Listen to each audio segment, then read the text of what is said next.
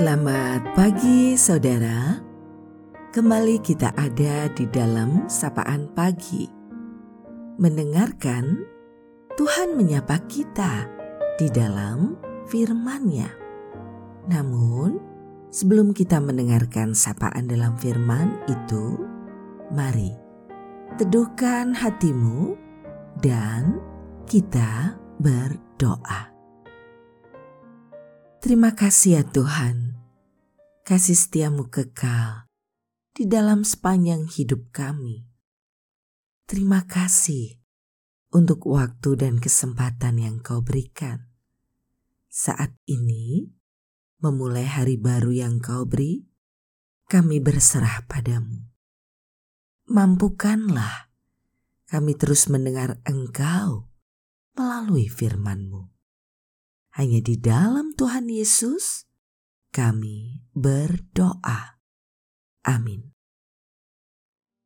Saudaraku, sapaan dalam firman-Nya pada saat ini kita terima melalui bagian kitab Amsal pada pasal yang ke-23 di ayat 18.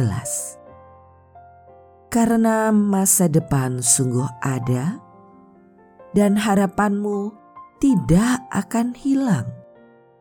Kita akan refleksikan dalam tema harapan masih ada.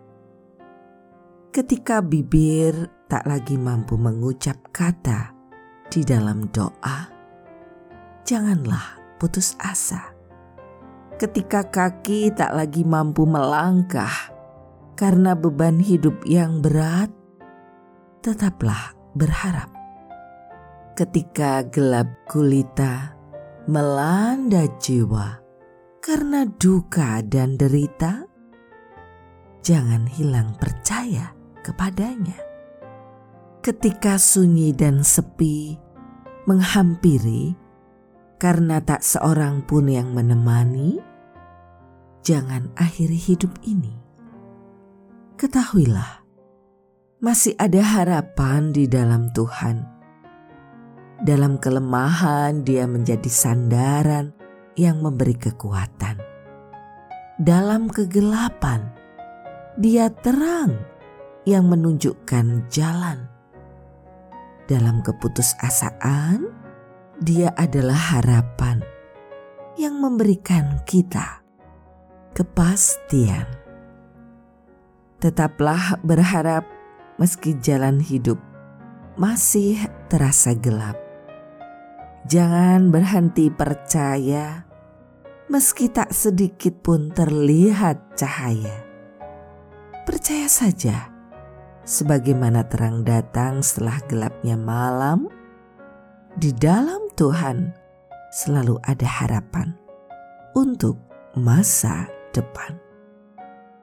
Tetaplah semangat dan bersyukurlah jalani hidupmu dengan penuh cinta kasih karena ia senantiasa menjadi sumber pertolongan yang merengkuh dan menopang kehidupan kita.